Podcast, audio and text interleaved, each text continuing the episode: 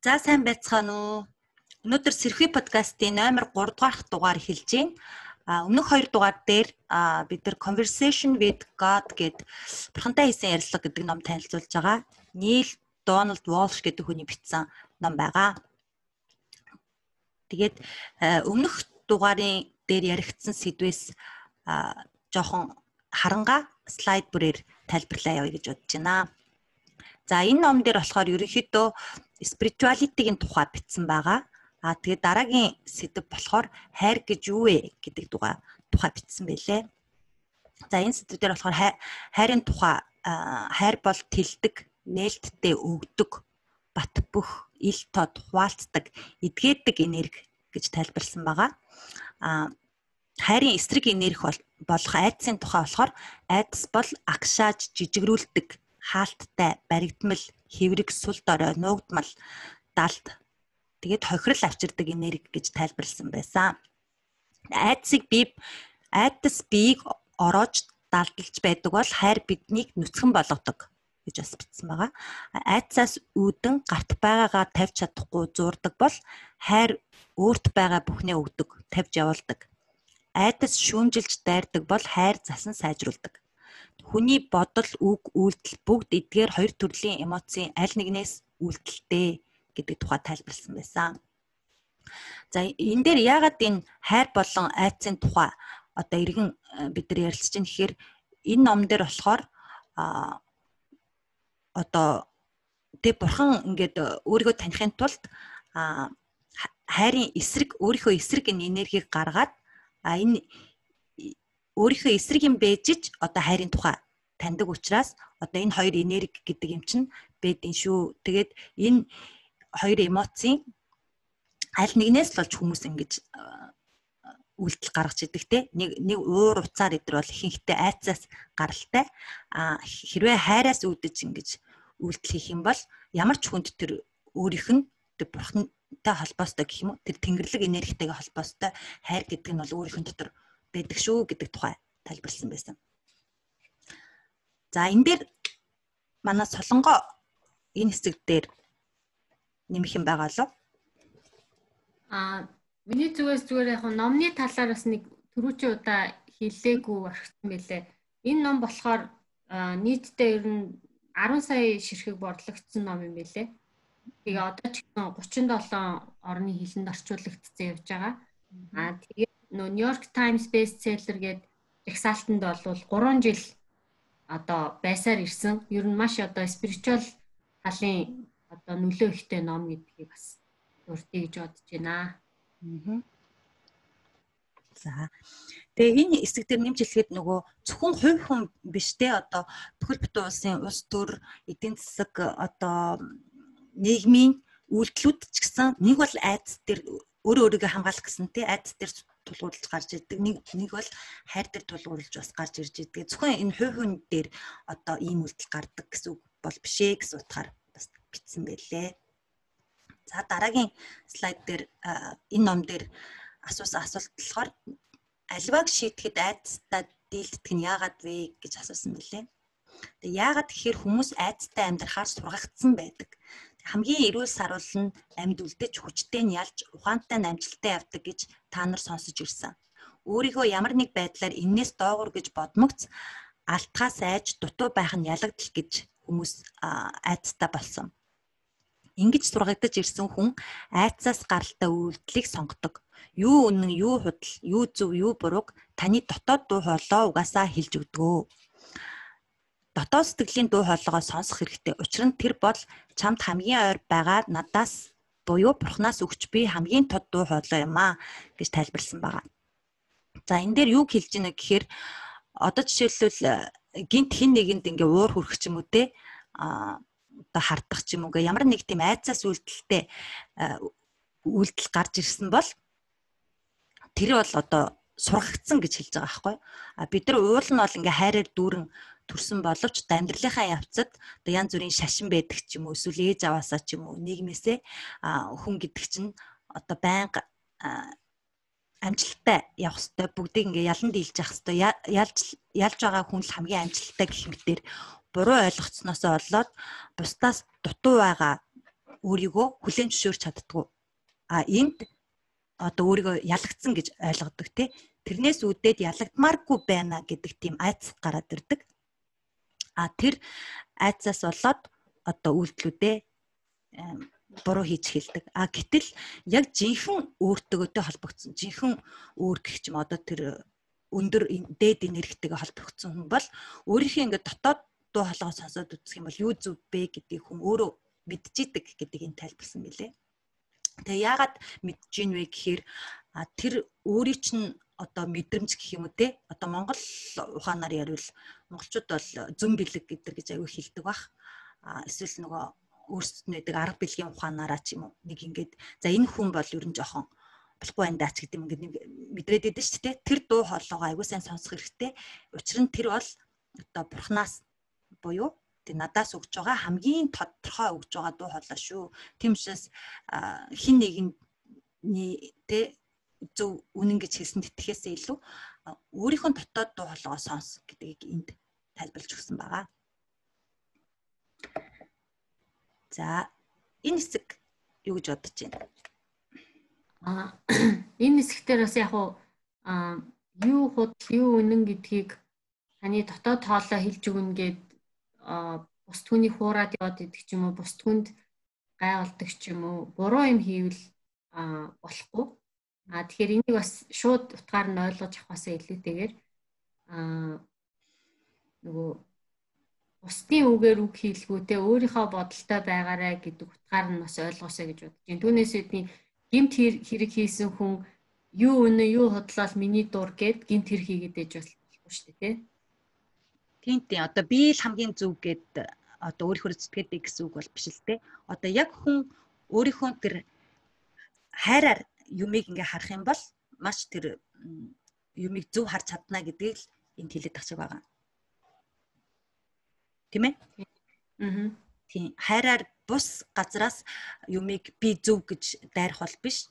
Ингээ одоо өөрийгөө ч гэсэн бусдыг ч гэсэн хайрлах үүднээс чи ингээ бодоод үзэх юм бол дотоод тоолгоо сонсоод үзэх юм бол тэнд бол зөв хариулт гэдэг чи ил байдэн шүү гэдгийг л яриад байгаа юм шүү. За дараагийн асуулт болохоор хайраас гарсан үйлдэл үйлдэж байх юм бол одоо би амжилттай байна гэсэн үг үү гэж асуусан байгаа. А үүнд болохоор бурхан хариулсан хариултууд нь болохоор бид бүгдээрээ амьдралынхаа хамгийн сайн сайхныг биеэр туулж үзэх experience хийж гэж амьдарч буй тэр зорилгоос бусд нь буюу ярих бодох үйлдэх зэрэг бол гол зорилгын зүгээр дагалдагч функц гэж хэлсэн байгаа. Та өөрийгөө гаднаас хайж олох бус өөрийгөө шинээр бүтээдэг хэн болох вэ гэдгээ та өөрөө шийд. Бидний энд байгаа учир утга нь өөрийгөө дахин санаж би хинбэ гэдгээ бүтээх. Хэрв чи өөрийгөө хинбэ гэдгээ бүтээж чадахгүй бол чи үл оршино. Энэ хамгийн сүүлийн өгүүлбэр бол нэлээд ширүүхэн хэлсэн байгаа юм л та. Энд юу хэлээд байна гэхээр За тэгвэл одоо би тэ бусдад ингээл бүгд бүгдд хайраар сайхан үйлдэх юм бол одоо өндөр амжилттай явна гэсэн үг үү гэсэн чинь бурхан бол айгүй сонирхолтой хариулчихж байгаа байхгүй юу?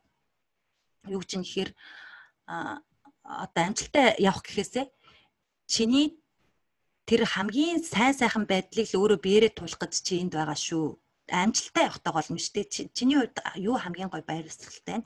А тэрийгээ туулах гэж чи энэ ертөнцийн дээр амьдарч байгаа юм шүү гэдгийг нэгдүгээр хэлсэн байгаа.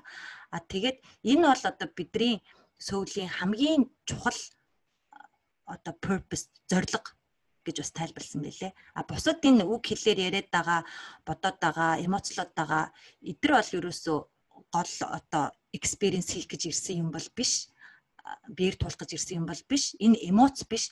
Яг тэр тэрний цаанаага чи юу ямар баяр баясгал те ямар сайн сайхныг биеэр ингээ үзмээр байна. Тэр бол чиний жинхэнэ одоо энэ дэлхий дээр байгаа зориг шүү гэж тайлбарсан байгаа.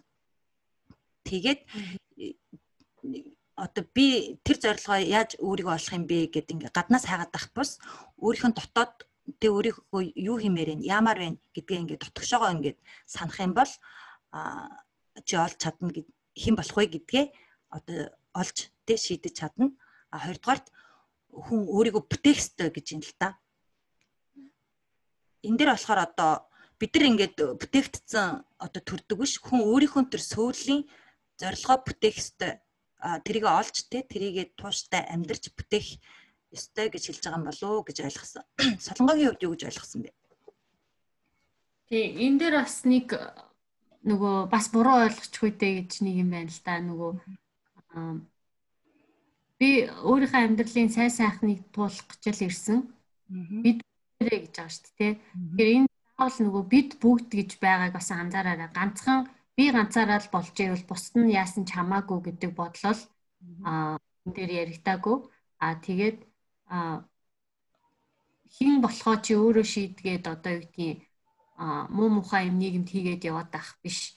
Бүх юмний нөгөө энэ ном чи хамгийн гол нь хайрыг гол одоо үндсэн зарчмаараа явж байгаа ном шүү дээ. Тэгэхээр хайраас гарч байгаа үйлдэл болгон аа одоо зөв сайхан тэр амьдралын одоо амьдралыг бүтээх болохоос биш айдс ч юм уу те ата хорсол ч юм уу хүний ашиг хонжоогоо хайсан ч юм уу бусдыг а дээрлэгдэх ч юм уу ийм буруу үйлдэл болвол угаасаа нөгөө бидний үндсэн шинж мөн чанар биш юм шүү. Бид нар ч уг нь бол өөрсдөө хайр байгаамаа. Тийм учраас тэр өөрийгөө бүтээхдээ тэр хайраас бүтээж бүтээгээрээ битгий айдсаас үдээж тийм муу мухай юм битгий хийгэрээ гэдгийг бас цаана хэлж байгаа. Тэгээ өөрийгөө бүтээн гэдэг нь а хайраар дүүрэн тэр өөрийгөө бүтээн гэдгийг утгаар нь хэлж байгаа л гэж ойлгоод байгаа шүү. Тийм тийм одоо өөрийгөө бүтээн гэдэг одоо хэнийг чамаагүй те даван дийлээд муу мухай юм хийгээд гэсэн утгаар биш өөрийнхөө өөрийнхөө одоо жинхэнэ хиймээр байгаа юм чинь бол одоо хайраас үүдэж л гарч ирнэ хин нэгний төлөө ч юм уу одоо нийгмийн төлөө ч юм уу тэгэхээр энийг одоо дотоод дотоод руугаа өнгөж олж харж чадах юм бол нөгөөтгөр чи өөрийгөө бүтээж чаднаа л гэсэн үг байна шүү дээ тий. Тэгээд тий хамгийн сүүлийн өгүүлбэр болоод надад бол нэлээд зохилт болсон гэх юм уу. Одоо чи үнэхээр тэ өөрийнх нь төр сөүлийнхэн юуг энэ ертөнцид дээр биер туулж үзмээр юм гэдгээ шийдээд тэрийг одоо бүтээж чадахгүй бол чи бол энэ ертөнцид дээр оршоогүйтэй адилхан гэж баг хэлсэн билээ шүү дээ.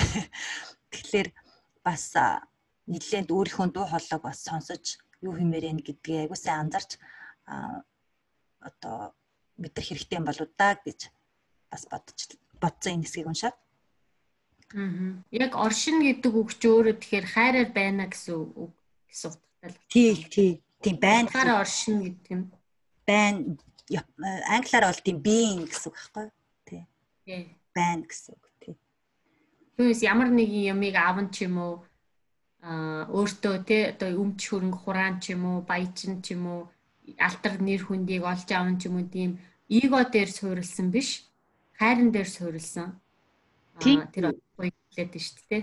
Өөрийгөө бүтээн гэдэг чи одоо юу ч бол үнэхээр одоо тэ таны сөүл одоо юу гэдэг чинь би ингээд бусдад айгуу сайн сайхан үргэлж сайн сайхан ингээ ханддаг.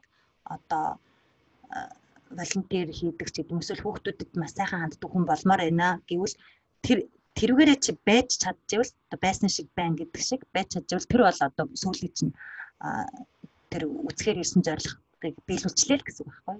Тэгэхээр та энд байж байна л гэсэн утгаар хэлж гин гэж ойлгосон. Аавал амжилтанд хүрэхтэй биш те. За. Тэгэхээр яагаад бид одоо биеэр туулахын туршлагыг хүсдэг вэ гэдэг асуулт дараагийн асуулт байсан. Өөрийгөө өгөөмөр сайхан сэтгэлтэй гэдгийг мэдхийн тулд чи өөрөө ямар нэг өгөөмөр сэтгэлийг одоо биеэр үзүүлж байж л ойлгоно. А төсөөлчин туршлага experience болохоос нааш тэр бол зүгээр таамаг юм аа гэж бас энэ ном дээр бурхан тайлбарсан байгаа. Сөүлийн хүсэл бол өөрийн хамгийн том төсөөллөө биеэр туулж туршлага болгох явдал байдаг. Өөрийгөө таних тулд өөрөөсөө гарахаас нааш лавлгаа өөрийнхөө тухай лавлгаа авч чадахгүй. Нэг бүхэл юм өөрийгөө хэсэг болгон хувааж байж өөрт харагдахгүй байгаа хэсэг ч гэсэн надтай холбоотой гэдгийг ойлгох болно. Хайрыг танихын тулд тэрний эсрэг юм байж байж хайрыг тань. Бурхан өөрийгөө танихын тулд хоёр зүйлийг бий болгосон. А тэгэд хайрын одоо абсолют эсрэг туйл нь бол айдас юм а гэж энэ тайлбарсан байна. За тэгээд яагаад одоо бид нар ингээд заавал одоо биеэр туулж үзгээд энэ дэлхийн ертөнцийн ингээд төр төрж ирж байгаа юм бэ гэдгийг маш ойлгомжтой тайлбарсан байсан. Яагаад тэгэхээр одоо энэ бурхан гэж энэ ном дээр бол бичээд байгаа нөгөө өөр үгээр хэлэх юм бол одоо дээд энергитэй метафизик ертөнцийн энэ том энерги чинь бол маш том ингээ бүхлээрээ байж нэг цул энэ том энерги учраас өөрийгөө таньж чаддгүй одоо тэр дунд ингээ эсрэг тесрэг туйл гэж байхгүй юм байна л та. Нэг нэг нэгдмэл юм энерги учраас өөрийгөө ямар сайхан сэтгэлтэй ямар гоё тэг ямар хайраар дүүрэн энерги вэ гэдгийг таних боломжгүй байдаг. а тэгэхээр яг биэрэл би чинь ийм гоё өгөм сэтгэлтэй юм байна. Ийм гоё хайраар дүүрэн юм байна гэдгийг мэдрэхийн тулд а одоо туршлага гэдэг чинь биер туулж үзэх гэдэг чинь хэрэгтэй болдгоо. А тэрнээс биш би чинь нэрээ айгүй өгөөмөрхүү юм шүү гэж бодож байгаа тэр концепт гэх юм уу? Одоо төсөөлөл бол зүгээр таамагаас цаашгүй. Тийм учраас заавал энэ сөүл гэдэг чинь ингэж хүний физик бие рүү орж тэр таамаглалаа батал батлахын тулд гэх юм уу? Өөрийгөө танихын тулд одоо хуваагдаж энэ физик бие рүү орж ирдэг юм а гэдгийг энд бас тайлбарсан байсан. Тэгээд өөрийгөө танихын тулд өөрийнхөө тухай лавлгаа авахын тулд өөрөөсөө гарах хэрэгтэй болдог. Тийм учраас би ингэж хуваагдаж хэсэг болгон өөрийгөө хуваагаад тэр том энерги чинь а хүм тус бүрийн энэ физик бие дотор орсноороо эсрэгээрээ бие биетэйгээ холбоотой гэдгийг мэдрэх боломжтой болтгоо гэдгийг бас хэлсэн байлээ. Энэ дээр солонгоо юу гэж ойлгосон бэ? Тийм, ер нь бол нөгөө хүний сармагчингаас ялгарч байгаа гол нөгөө онцлогч нь л ийм оюун оюунтай а ийм хүнслэх чанартай гэдгээр л өөр гэж ер нь хэлээд байдаг штэ. Сармагч хүнтэй яг адилхан идэж уудаг, үрждэг. За тэгээд бие биендээ гайхуулдаг юм уу. Нэг ийм физиологийн хэрэгцээнүүдэд хангаал амьдардаг ийм амьтны нэг төрөлтэй. А хүнийг бол ер нь сармагчингаас үүссэн гэж ярьдаг. А тэгээд хоорондоо нэгдэж чадсан учраас өдөө болтол ингээд эволюцийн хөвслийн онлоор сайжирсаар агаад ингээд махыг махыг чанж иддэг болго болоод тэгээд явсаар агаад тархин томроод ийм хүн болсон юм а гэж бас нэг онол. Тэгэхээр сармагчингаас ялгарч байгаа учраас бид нар ийм сэдвээр яриад байгаа. Сармагчин магадгүй ийм сэдвэр хоорондоо өөрсдийнхөө хэлээр ярьдаг гэсэн мэдэхгүй байна. А гэтээр нь хүн бол хүн байгаа учраас бид нар нэг юм нүдэнд үл харагдах хайр гэж юу юм өгөөмөр сэтгэл, сайхан сэтгэл гэж хаанаас гардгийг тэгээ бид нар энд яах гэж ирсэн, яах гэж хүн болж төрсөн ингээд биднэрт тийм асуултууд маш их байдаг. Тэгээ тэр асуултанд энэ ном ингэж хариулах гэж оролдож байгаа ном учраас маш юм сонирхолтой л доо. Ном нь бол тий Ерөнхийдөө бид нар чи 10 жил их сургууль гээл хүн бол одоо сармагчингаас үүсэлтэй л гэж ойлгодог байсан шүү дээ. Тэр бол яг шинжилгээ ухааны нэг талаас харсан одоо онол талаас ч юм уу яг байж болох таамаглал боловч нөгөө талд энэ ном дээр тайлбарлаж байгаа энэ бурхны харж байгаа үнцэг бол бидний маш мөн чанарыг тайлбарлаад байгаа юм шиг бол надад санагцсан. Яг л бид нар бол одоо энэ тарих толгой гэдэг ч юм уу физик бие давсан нэг юм мэдрэмжүүд байгаа даа шүү дээ тий. Одоо бодол хаанаас орж ирдэг гэдэг ч юм уу энэ зүудлээд байгаа ч одоо хаанаас гарч ирдэг ч гэдэг юм. Ямар нэг юм биеийн гад биеийн гадна байжгаад бидний дотор одоо энэ том бурхан гэдэг энэ нэгдмэл энэ энерги чинь хуваагдаж орсон гэж энэ ном дээр бол тайлбарлаж байгаа. Тэгэд яагаад хуваагдаж орсон бэ гэхээр өөрийгөө таниад а тэгээд би битэйгээ холбоотой гэдгийг бас мэдрээд а тэгээд би чинь бас ингээд би биний хайрладаг те миний дотор хайр гэдэг юм байна гэдгийг одоо танихын тулд албаар тэр хайрын эсрэг айдас гэдэг тэр туйлыг гаргаж ирээд айдас нөгөө талаар хэлэх юм бол тэр айдас бэж л бид нар хайрыг таних гэсэн үг байна шүү дээ. Тэгэхээр бас айдсыг байж болохгүй юм гээ буруутгаад байж болохгүй нах нь тий. Айдас л бид нар өөрийгөө хайр хайраар дүр юм байна гэдгийг таньнаа гэж энэ дээр тайлбарласан байлээ. Аа. За тэгээд дараагийн слайд руугаа оръё. За яаж байгаа юм?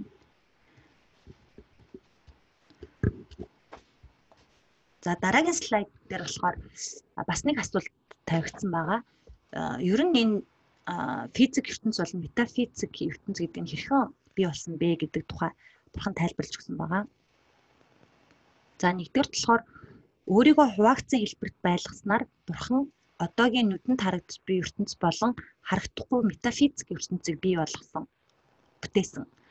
Метафизик ертөнц нь мөн л нэг бүхэл ариун энергиэсээ жижиг хязгааргүй олон нэгжид хуваагдсан.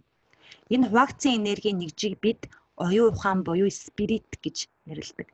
Хязгааргүй тооны эдгээр оюун ухаанууд нь огторгуун утгаараа бол миний буюу бурхны үр сад гэсэн үг юм аа гэж тайлбарласан мөлий. А тэгээ миний бутархай хэсгүүд олон байж ич би өөрийгөө биер туулж туршиж үзэх боломжтой болсон. Өөрийгөө бүтээгч одоо бурхныг өөрийгөө бүтээгч гэж бас хэлдэм билээ л дээ. Ялангуяа христийн шашинт гэж хэлдэм билээ. А өөрийгөө бүтээгч гэдгийг биер туулж таних тулд миний нэг хэсэг болох спирит хүүхдүүдтэй надтай яг ижилхэн бүтээх чадварыг би бол олгосон юм аа гэж бурхан тайлбарласан билээ. Энд дээр болохоор юу хэлж байна гэхээр одоо энэ яагаад одоогийн ертөнц байгаад байгаа юм бэ гэхээр ерөнхийдөө энэ бурхан гэдэг энэ бүхэл энергичнс өөрийгөө бий болох юм танихын тулд албаар энэ материаллык ертөнцийг бий болгосон юм билээ. Тэр болтол байгаагүй. Тэрийг албаар бий болгоод тэнгууд материалын ертөнц байна гэдэг чинь бас харагдахгүй метафизик ертөнцийг бас бүтээсэн гэж байгаа. Тэгээд энэ метафизик ертөнцийг бид нар нөгөө оюун ухаан сүнс эсвэл спирит гэж нэрлэдэг байдаг. Эдгэр чинь болохоор энэ метафизик ертөнцөөсөө жижиг жижиг энерги болоод хуваагдаад одоо бидний биеийн дотор орцсон байгаа гэж тайлбарласан байгаа. Тэгэхээр бурхан юу хэлж байгаа нэхээр нөгөө тэгвэр та нар одоо энэ хүмүүстэй хүн төрөлхтөн та нар бол миний үр сад, миний оюун ухааны хүүхдүүд юм шүү. Тийм учраас надтай адилхан та нар бол креатор буюу бүтээгч хүмүүс юм шүү гэж хэлсэн байлээ. Энэ тал дээр А энэ тал дээр нэмэт хэлэхэд ер нь энэ номны агуулга энэ нөгөө Монгол ухаантай бас их төстэй юм ач байд юм байлээ. Би сүүлд нөгөө Монгол ухааны сургалтанд сууж үзээд анзаарсан л та. Монгол болохоор бүх зүйлийг гурван төвшөнд авч үздэг гэж хэлээ. Газар, савслага, тэнгэр гэдэг. Тэгэд яг энэ яригдчихэж байгаа зүйлүүд тэр нөө тэнгэрийн одоо тэр юмыг яриад байгаа байхгүй юу? Хүний хувьд бол бие, сэтгэл, оюун гэдэг дэшээ явдаг. Бие нь бол нөгөө зүгээр газартаа байж идэг одоо нөө физиологийн идэж уудаг тэр физиологийн сармагчин маягийн бие гэсэн. Сэтгэл бол арай нэг жоохон дээд төвшний. Тэгээ оюун гэдэг нь бол одоо энэ нөгөө хязгааргүй ертөнц тэнгэр а галактик те галактикийн цаана юу ч үгүй. Тэгээд бодглохлоор а тэгээд ер нь бол бэлгийн мэлми гэж одоо монголчуудын хэлдгээр бол энэ нэр оюуны хувьд одоо нэгдсэн хүн энэ одоо тэр цаад метафизик ертөнцтэй харьцдаг хүн тэндээс мэдээлэл авдаг хүн а тэр зүн бэлэг гэж яриад байдаг штэ зүн совин хэлээд. Тэр одоо зөвхөн энэ нөгөө нүдэнд харагдах биш нүдэнд харагдахгүй ертөнцийг ойлгож мэдэрч амьдрдаг одоо тийм амьдралын хэв маяг монгол хүмүүсийн амьдралын хэв маяг бол ер нь тийм байсан ер нь одоо генд нь ч тийм байдаг гэж заа тийм хэлээ л дээ. Тэр тэр монгол ухаантай бол бас маш их төстэй ойлголтууд их байлээ гэж сэлмээр байна. Тий энэ энэ номыг бичсэн хүн нэлээ одоо христийн шашны талаас нь авиг тайлбарсан байсан боловч бидний бас монгол ойлголтоос нэлээд төстэй талууд байсан тий. Одоо одоо манай монголчууд яриад байдаг бөө өдр ч гэсэн одоо өөрийнхөө тэр тэнгэр дээр байгаа тэр бүхэл нэгдмэл тэр энерги гэх юм оюун ухаантайгаа холбогдож бас мэдээллийг авч байгаа юм байна да гэж надад бас ойлгогдсон байгаа. Тий. Тэгвэл яагаад ч одоо үүсгэх боломжгүй яалтчгүй л Монголд бол одоо мундаг бөөнөр байдаг штэ тий юм одоо харж үздэг мэддэг. Тэгэхээр тэрийг бол шууд ингээд үгүйсгээ тийм байх боломжгүй худлаа гэж хэлэхэд бол хэцүү.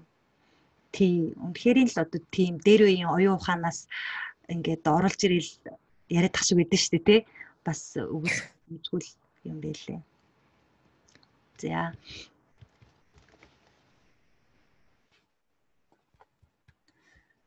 Тэгэд энэ метафизик физик ертөнцийн дээр бол цаашаа нэлээд битсэн байлээ. Одоо энэ физик ертөнцлөө бид нар орж ирж байгаа нь болохоор төлөвлөгөөний дагуу та нарын оюун ухаан энэ бүтээгдсэн физик ертөнцлөө орж ирж байгаа. Одоо ямар ч төлөвлөгөөгүй ингээд шидэгдээд дэлхий дээр төрөөд байгаа биш юм байл л дээ. Тэгээ учир нь физик бие мах бодол өөрийн тухай төсөөллөө биеэр тулж өөрийгөө таних боломжтой цорын ганц арга зам учраас чи өөрийгөө өндөр гэдгийг мэдхийн тулд эхлээд намхан байх ямар вэ гэдгийг мэдэрсэн байх хэрэгтэй. Чи үргэлж цаашид ч бурханлаг ариун бүхэл миний нэг хэсэг байсаар ирсэн цааш байх болно. Тиймээс бурхан руу буцаж бүхэлдээгээ нэгдхийг эргэн санах гэж нэрлэдэг. Эргэн санах гэдэг нь энэ христийн шашинд э, одоо ашиглагддаг үг юм байлээ шүү. Тэгээ дэлхийд дээрх бидний амьдралын зорилго бол өөрийгөө хинбэ гэдгийг эргэн санаад а бусдад бас сануулгах зорилготой ирсэн юм аа гэж тайлбарсан байлээ. За энэ бид нар физик ертөнцийн дээр орж ирсэн энэ зорилгын тухай юу гэж бодож байна?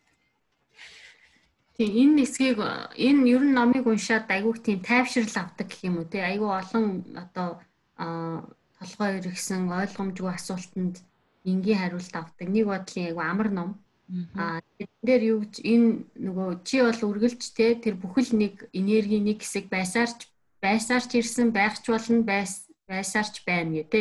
Өнгөрсөн одоо хэд цаг ингээд э, ерөнхийдөө нэг энерги нэг хэсэг ингээл байж байгаа гэсэн үг байгаа байхгүй зүгээр хэлбэрэл өөрчлөлт яваад байгаа.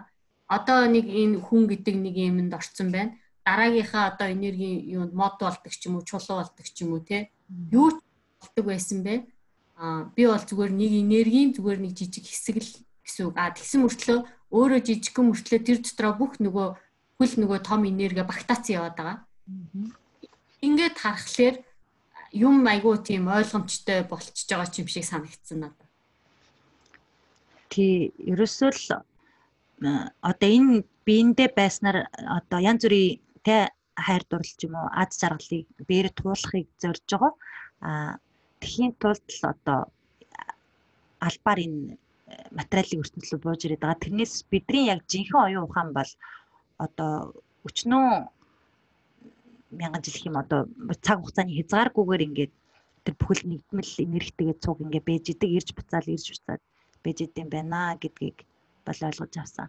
Бас энэ тэрийг эргэн сандах нь маш чухал гэж энд хэлсэн бааш тээ. Энэ амьдралдаа ингээд зүгээр нэг юм одоо зориггүй амьдрах гэхээсээ илүү би чинь яг юуг одоо үзэх гэж энэ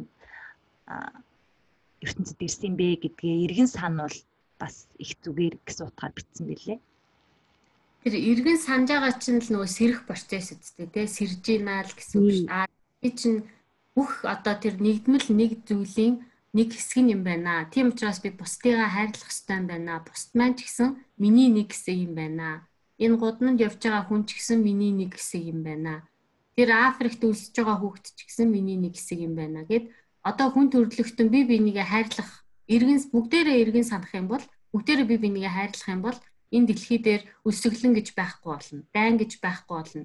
Бүх хүмүүс аж аргалтай амьдрах бүрэн боломжтой байна гэсэн үг байхгүй юу? Тий. Бид нар бибитэйгээ холбоотой бүхэл нэг энергиас гаралтай гэдгээ мэдрэх юм бол ерөөхдөө тэгэл зовлон одоо би бинийгээ тэ зовоодог байдал айдас ч юм уу тийм юм байхгүй бүгдээ айгуу гоё. Одоо би биентэй хүндэтгэлтэйгээр тийм амьдрах боломж нь байгаа юм байна гэдэл маш сайн эргэн санах хэрэгтэй гэж юм бичсэн байгаа. Тийм. Гэхдээ энэ дээр бас нэг зүйл анхаарах хэрэгтэй юм. Шууд шууд утгаар нь бас ойлгох юм бол бас буруу болчих واخ. Яа тэгэхээр хүн төрөлхтний түүх бол ингээд мөнхийн дайн байлдаантай би бинийгээ устгасан ийм түүх байж ирсэн. Эсвэл нэг нь нэгийгээ дээрлэхэж мүлждэг, дарамталдаг, нэг нь ядуу амьдрах ёстой юм шиг, нэг нь нэг баян байх ёстой юм шиг, зовх ёстой юм шиг, боол эзэн гэд их сонин түүхтэй явж ирсэн. Одоо ч гэсэн дэлхий дээр зарим хүмүүс зовж явахад зарим нь тэр зовлонгоор нь жаргал хийгээд явж штэ. Тэгэхээр номоор нөгөө тэр нөгөө юг хүмүүсээ одоо эргэн санаач энэ хүн төрлөختөө яг үнэхээр энэ замаараа ингээд цаашдаа энэ чигээрээ л яваад ах юм бол магадгүй өөрсдийгөө устгах нь өөртөө одоо нөгөө цөмийн бөмбөгөө өөр өөрсдөнд лүгэ хаяад ингээд дэлхий устгахын байгаль орчин ямар амар сүдэж байгаа лээ тий. Тэгэхээр нөгөө энэ эргэн санаач гэдгийг сануулсан ном юм шиг санагдсан л да. Түүнээс биш яг бодит байдал дээр бид нар одоо нэг болчиход байгаа юм бол өнөөдөр бол алга байна. Өнөөдөр бол би бинийгээ үзэн ядсаар байна. Би бинийгээ дээрлэхсээр л байна шүү дээ. Тэр бол яг бодит байдал. А гэхдээ бид нар ийм байх алдгүй юм шүү. Биднэрт илүү сайн сайхан боломж байгаа шүү. Агцгүй энийг л эргэн санаач гэдгийг сануулсан ном юм шиг санагдсан. Тийм тэрийг эргэн санаад тэгээд сэрхтэй одоо оюун ухааны хувьд гэх юм спиритийн хувьд сэрээд энэ дэлхий дээр байгаа одоо эдийн засгийн байд юм уу нийгмийн янз бүрийн мүлжлгүүд бол байгаа шүү дээ. эмгэгтэй бодит байдал дээр тэрийг тех хэрэггүй бид нар бол яг л адилхан одоо холбоостой юм байна гэдгийг санах юм бол тийм айцаас үйлдэлтэй одоо үйлдэлүүд хийхгүй болчихноо гэдэг утгаар хэлсэн байгаамаа. За дараагийн слайд нь болохоор яагаад ертөнц одоогийн хэлбэртэй болсон бэ гэж асуусан мөлий. Одоогийн гэдэг нь сая яг солонгогийн тайлбарсан те ингээл энэ дээр гарч ирнэ. А бурхан төв сайраар дүүрэн юм бол яагаад одоогийн ертөнцид үлсгэлэн халдвар төвчин дайн газар үжилт салхи шуурга зэрэг байгалийн гамшигтэй хувь хүн болон дэлхийн нийтийн гамшиг гэж байд юм бэ гэсэн чинь дэлхий дээр тэр төгс хайрын эсрэг нөхцөл байдлыг үүсгэхээс нааш чи хайрыг таньж чадахгүй гэж бурхан хэлсэн мөлий. А тэгээд абсолют ертөнцид бол experience буюу одоо өөрийгөө турших гэж бол байхгүй. Зөвхөн бүхнийг мэдгч ухаан л тэнд байгаа. Бүхнийг нь мэдгч статус бол бурханлаг гэгэн боловч хамгийн том баяр баясгал бол байх энийг англиар бол being гэж тайлбарласан мэлээ л дээ. Байх юм аа. Байх гэдэг статус нь биеэр туулж үзсний дараа л бий болох боломжтой. А биеэр туулж үзээгүй тохиолдолд тэр бол зүгээр юу knowing гэдэг л статус юм билээ шүү дээ мэдэж байгаа гэсэн. За тэгээд энийг цааш нь одоо энэ ном дээр бол нөгөө Христийн мөнх гэгийн гурвал Holy Trinity гэдэг үгээр бас тайлбарлсан билээ. Би бол энэ тухай сайн мэдэхгүй. Гэхдээ энэ Holy Trinity гэдэг нь болохоор мэдих, биеэр үзэх, байх гэдэг гурван одоо ухааныг тайлбарлсан билээ л дээ. Монголд бол энийг арга бэлэг гэж бид нар бол хэлдэг баг. А энэ дээр болохоор энэ гурван ухаан юу хэлж байна гэхээр а эхний тэр бүхнийг мэдж байгаа байдал бол эцэг эцэг mind гэж хэлдэг юм лээ the father. Тэгээд биеэр туулж үзэж байгаа тэр байдлыг статусыг болохоор the son буюу одоо хүүн гэж хэлдэг юм лээ л дээ. А тэгээ хамгийн сүлд энэ хоёр бэжиж хамгийн сүлд одоо тэр оюун ухаан байх орших гэж хэлэх юм. Одоо байх the holy spirit болдог. Одоо жинхэнэ ариун гэгийн одоо оюун ухаан сүнс байх боломжтой болдгоо гэж тайлбарлсан билээ. За энэ дээр одоо сая Солонгогийн хэлсэнчлэнтэй одоо яагаад ингээл хувийн болон дэлхийн гамшгууд золонтой өвчнөтой газар нэг бол ингээд аж жаргалтай газар ийм том юм ялгаа байгаа юм бэ гэсэн чинь бурхан бол яг хөө энийг бол одоо албаар гэх юм уу чи одоо тийм тэр хайрын эсрэг төл байхгүйгээр чи миний тэр төгс хайрыг бол одоо олж мэдэж авч чадахгүй. Тийм учраас одоо өөрийнхөө өөрийгөө таних тулд энэ байдлыг бий болгосон юм аа гэж нэг талаас тайлбарлаж байлаа. А тэгээ яагаад тэгэхээр одоо энэ бурх бурхан гэдэг байгаа энэ нэгдмэл энерги буюу энэ абсолют ертөнцид болохоор бүх юм абсолют одоо бүх юм хамгийн дээд зэргийнтэй туйлын дээд зэргээр байгаа болохоор ямар ч тийм experience юмыг ингээ биеэр туулж үзэх боломжгүй байт юм байна л да. Тэгэхээр бүхнийг ингээ мэдсэн байдаг болохоор одоо сонирхолгүй гэх юм уу те. Тэгэхээр эсэргээр энэ гачигдал зовлон энэ өрсөглөн ийм юм байх нь баг өөрт нь хэрэгтэй байгаа байхгүй өөрийг нь танихад хэрэгтэй болдог. Энийг туулж мэдчихэж одоо энэ бүхнийг мэдгч энэ оюун ухаан чинь хамгийн том аз жаргал тэр баяр баясгалыг мэдэрдэг тэгжиж энэ одоо юу хаан чинь байх гэдэг статус руу очно гэж байгаа хгүй. Тэгэхээр энд нэг гурван бас ялгаа байгаа тах шиг байгаа юм л та. Тэгэхээр энийг ингэж биеэр үзэхийн тулд одоо заавал энийг хэцүү цолонтой ертөнцлүүл энэ оюун ухаанууд ингэж зорж төрөөд идэм болоодаа л гэж би ойлгосон. Солонгойг ойлгосон бэ. Энэ ном чинь цаашаа ингэж яваад тахаар энийгээ дахиад цаашаа тайлбарладаг штэ нөгөө штэ а хүн төрөлхтөнгийн яг одоогийн нөгөө оюуны төвшин маш дорой байгаа учраас биднэрт энэс өөр замгүй болчиход байгаа нь бол үнэн. Гэхдээ бидний оюун санааны төвшин дээшлээд одоо нөгөө сэрхийн процесс маш хурдтай явагдах юм бол бид нар аавал зов зүтрэлгүйгээр сайхан юмаа шууд биеэрээ туулаад явчих боломжтой гэж байгаа байхгүй юу. Тийм угаас өгөөдч байдаг. Одоо хүн энэ галактик чинь зөвхөн дэлхий байгаад байгаа шүүс хариг гар гэж байгаа Тэр өөр бусад гаргууд дээр хүнээс хамаагүй өндөр түвшний оюун санаатай тийм одоо биетүүд амьдардаг.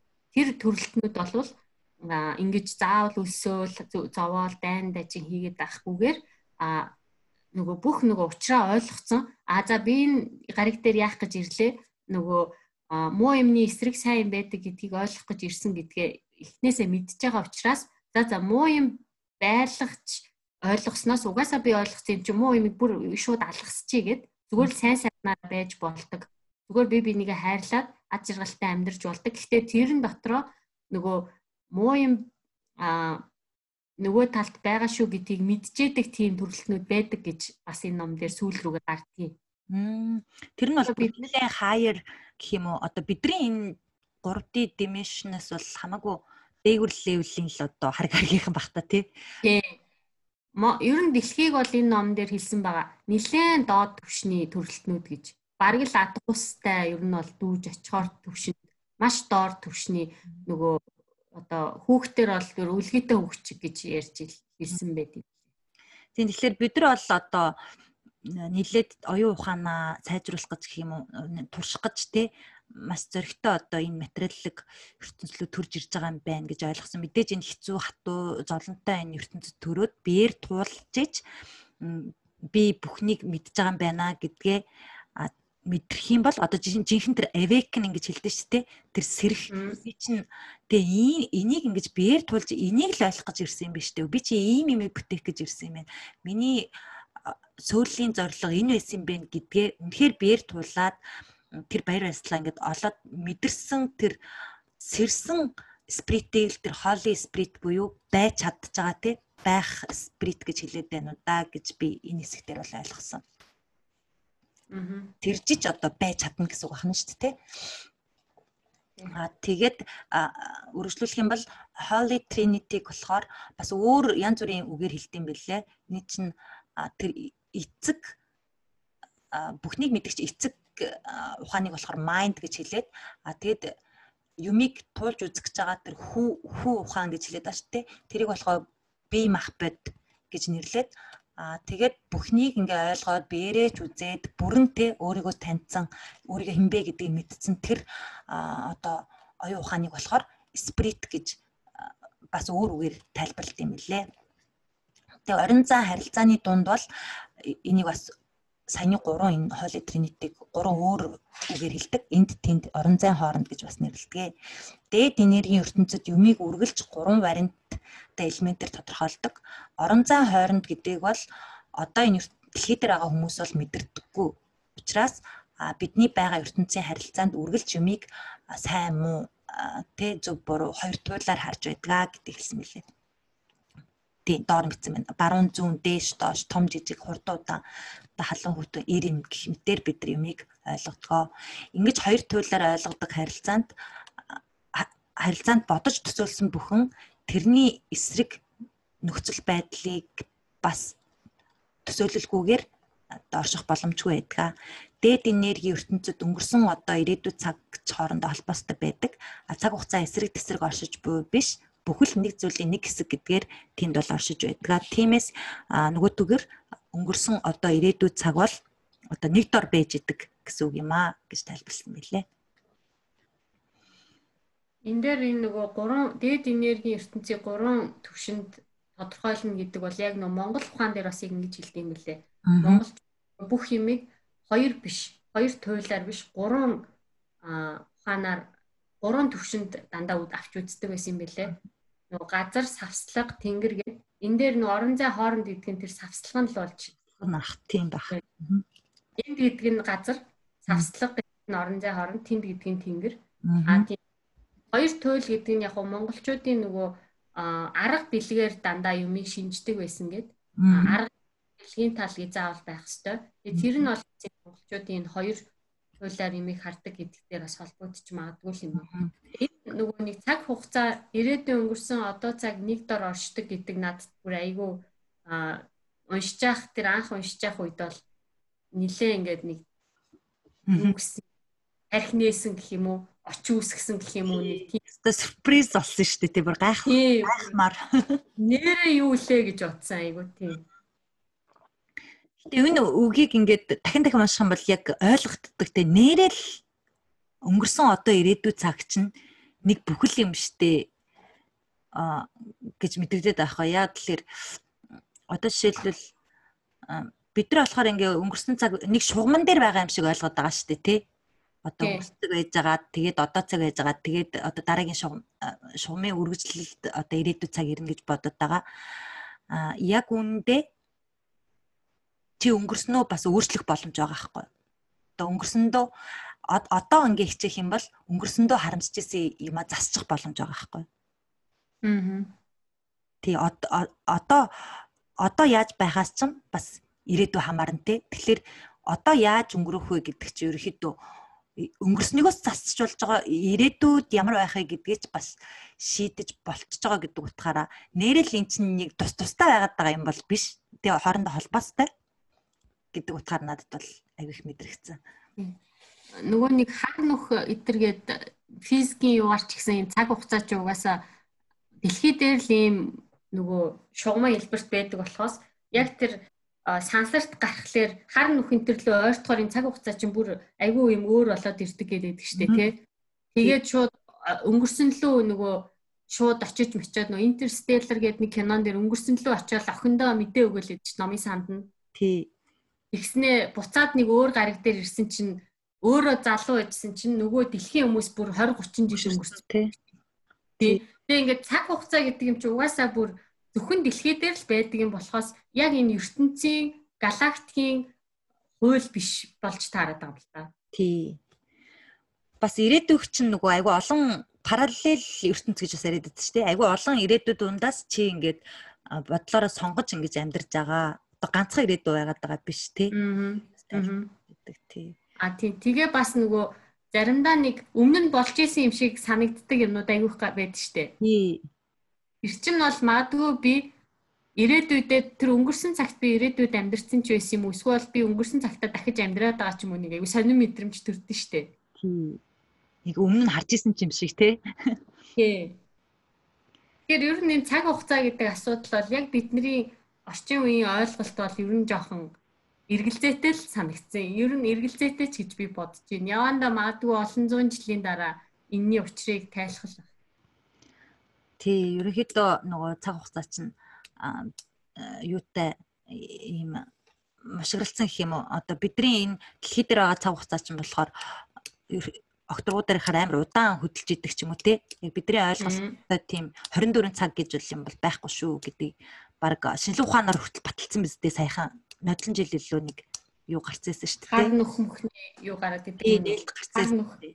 Аа Тийм. Ер нь бол их сонирхолтой юм хэсэг байна. Тий. За энэ тухай дараагийн одоо дөрөв дэх номерын бас сэрвхийн подкаст дээр нэлээд гарч ирэх байхаа. Цаашдын номыг номоо ерөнхийдөө ингээд слайд слайдаар тайлбарлаа явна. Аа тэгээд дараагийн удаа болохоор манай солонгоо маань бэлдсэн байгаа. Ингээд энэ номер 3-ийнхаа дугаарыг өндөрлөе гэж бодож байна. Дараа уулзлаа түр баяртай. Баяртай гэж хүү. Баяртай. Баяртай.